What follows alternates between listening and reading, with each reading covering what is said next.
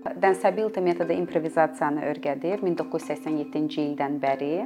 Özəlliyi ondadır ki, inklüzivliyi gətirir, təcrid anlayışını cəmiyyətdə dəf etməyə köməklik edir. Yəni bütün insanlarla eyni zamanda işləyir. Bütün insanlar dediyimizdə zaten bütün insanlar, müxtəlif yaşda olan, əlilliyi olan və olmayan insanlar, uşaq, yeniyetmələr, ağıl şəxslər, qazilər və s.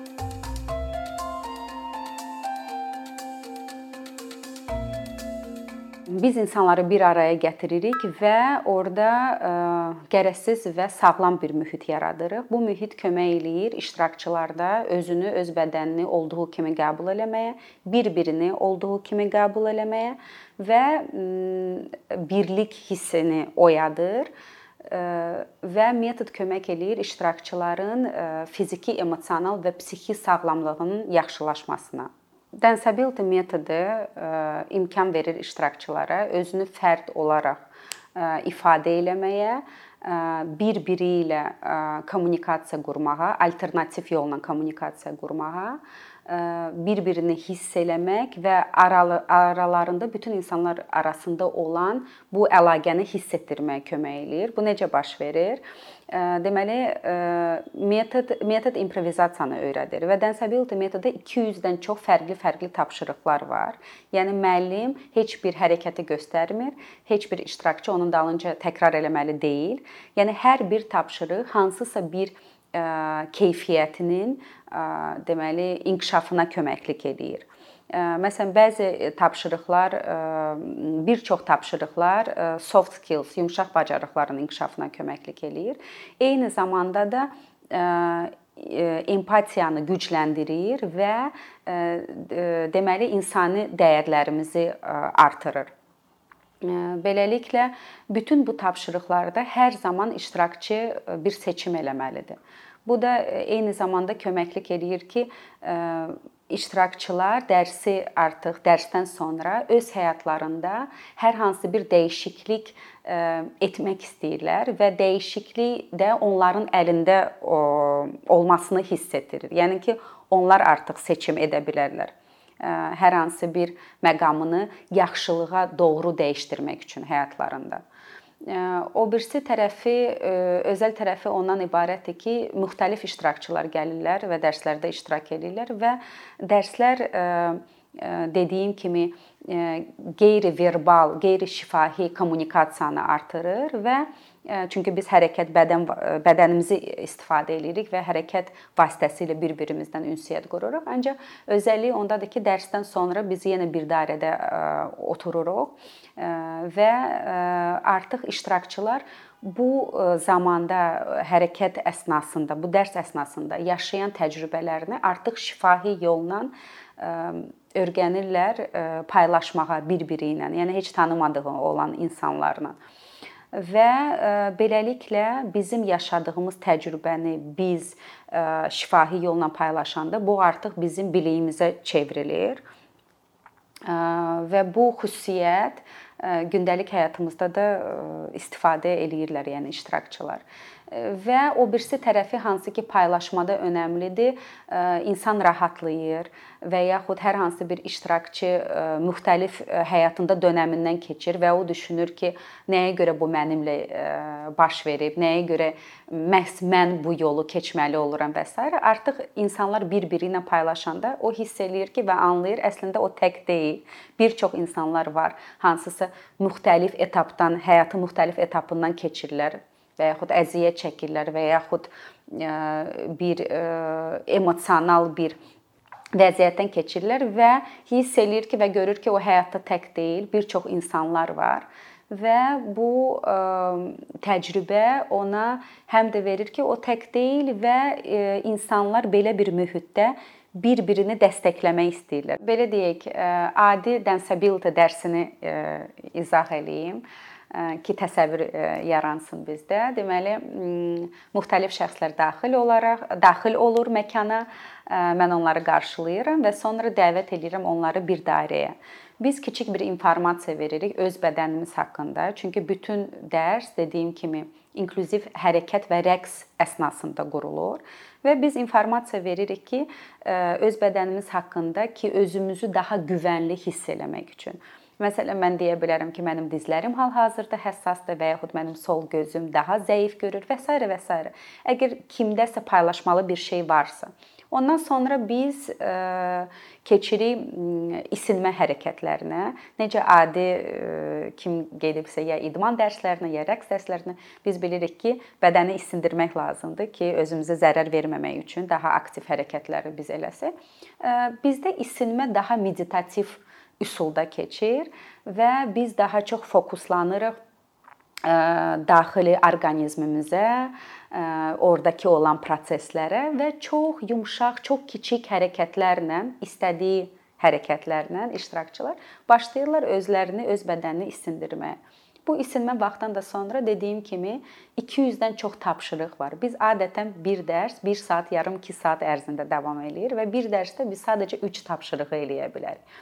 Bu 3 tapşırıqda özəlliyi ondadır ki, məsələn 20-30 nəfər var və hər bir şəxsdə şans yaranır müxtəlif insanlarla bir qrupda olmağa. Məsələn, ilk öncə sən ikili qruplardasan, ondan sonra üçlü, beşli və ondan sonra artıq bütün 30 nəfər bir qrup olur. Yəni bir orqanizm kimi başlayırıq hərəkət eləməyə və bu yəni bu özəldir çünki bir praktikada sən müxtəlif olan insanlarla təmas yarada bilirsən, hiss eləyə bilərsən, kommunikasiya yaradırsan, yaradıcılıqla məşğul olursan. Çünki sürəkli müxtəlif seçimlər edirsən və görürsən ki, sən əslində məkanda müxtəlif yollarla, müxtəlif hərəkətlərlə müxtəlif insanlarla təmas quraraq elə bil ki, məkanda bir dizayn qurursan. Nə isə yaradırsan və artıq dərsdən sonra səndə əldə etdiyin bu təcrübəni bu gündəlik həyatında da başlayırsan tətbiq eləməyə.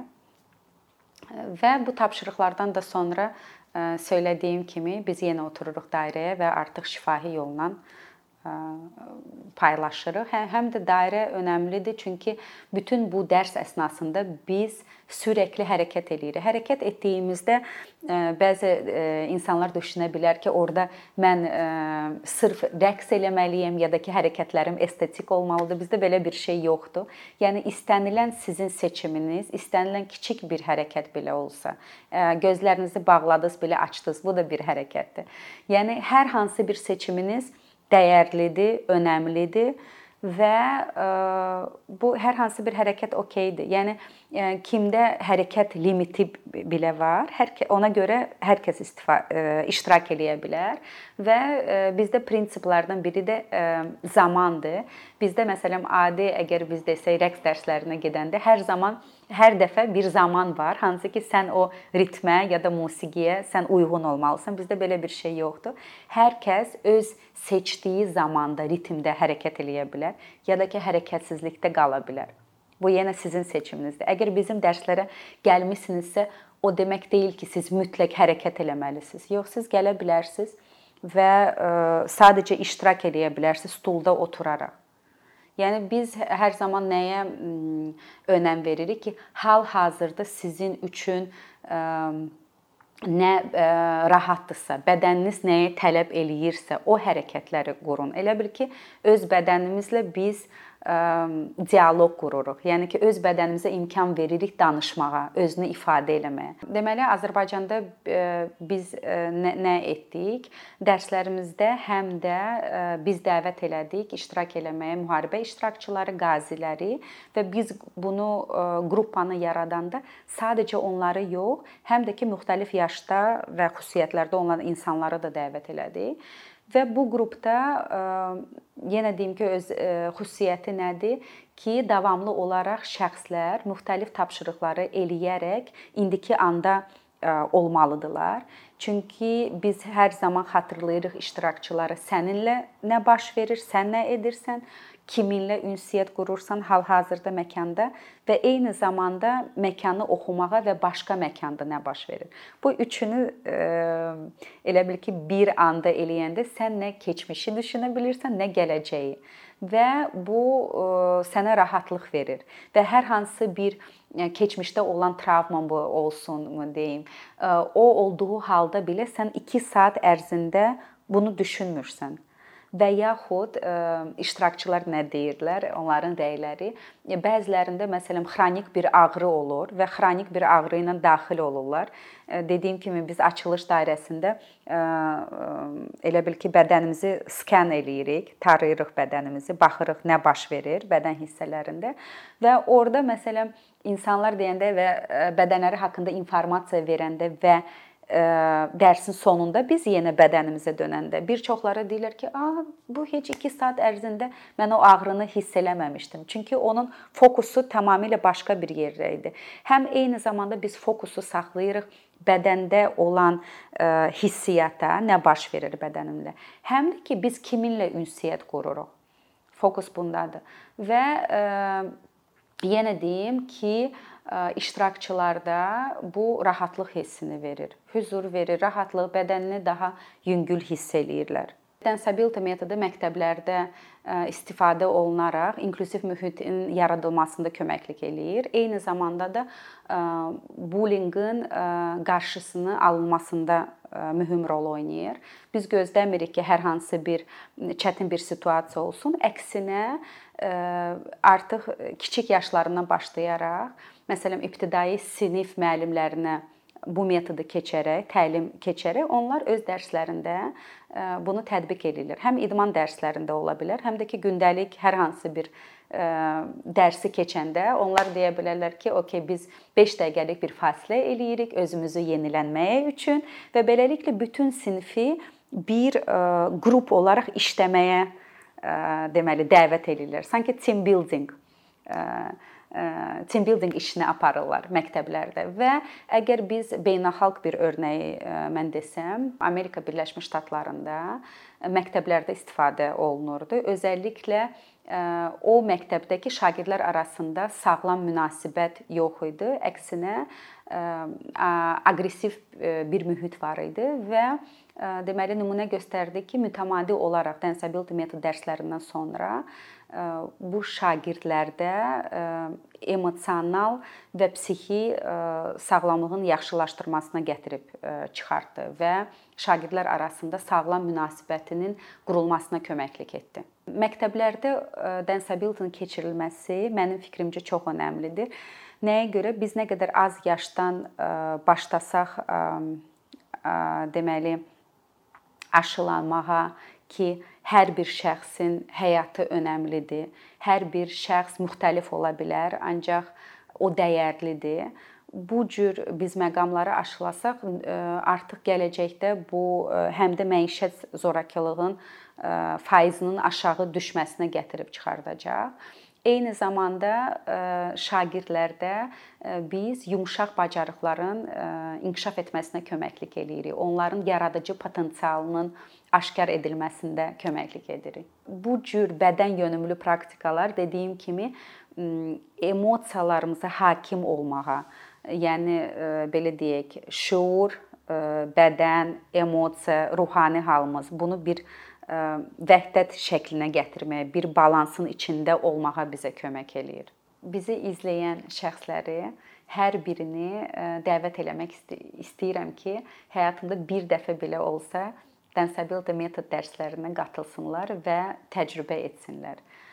Təcrübə etsinlər necə ki, daha rahat öz bədənində olmaq, özünü çox rahat ifadə edə bilmək və həyatında tək olmadığını bir daha anlamaq. Bye.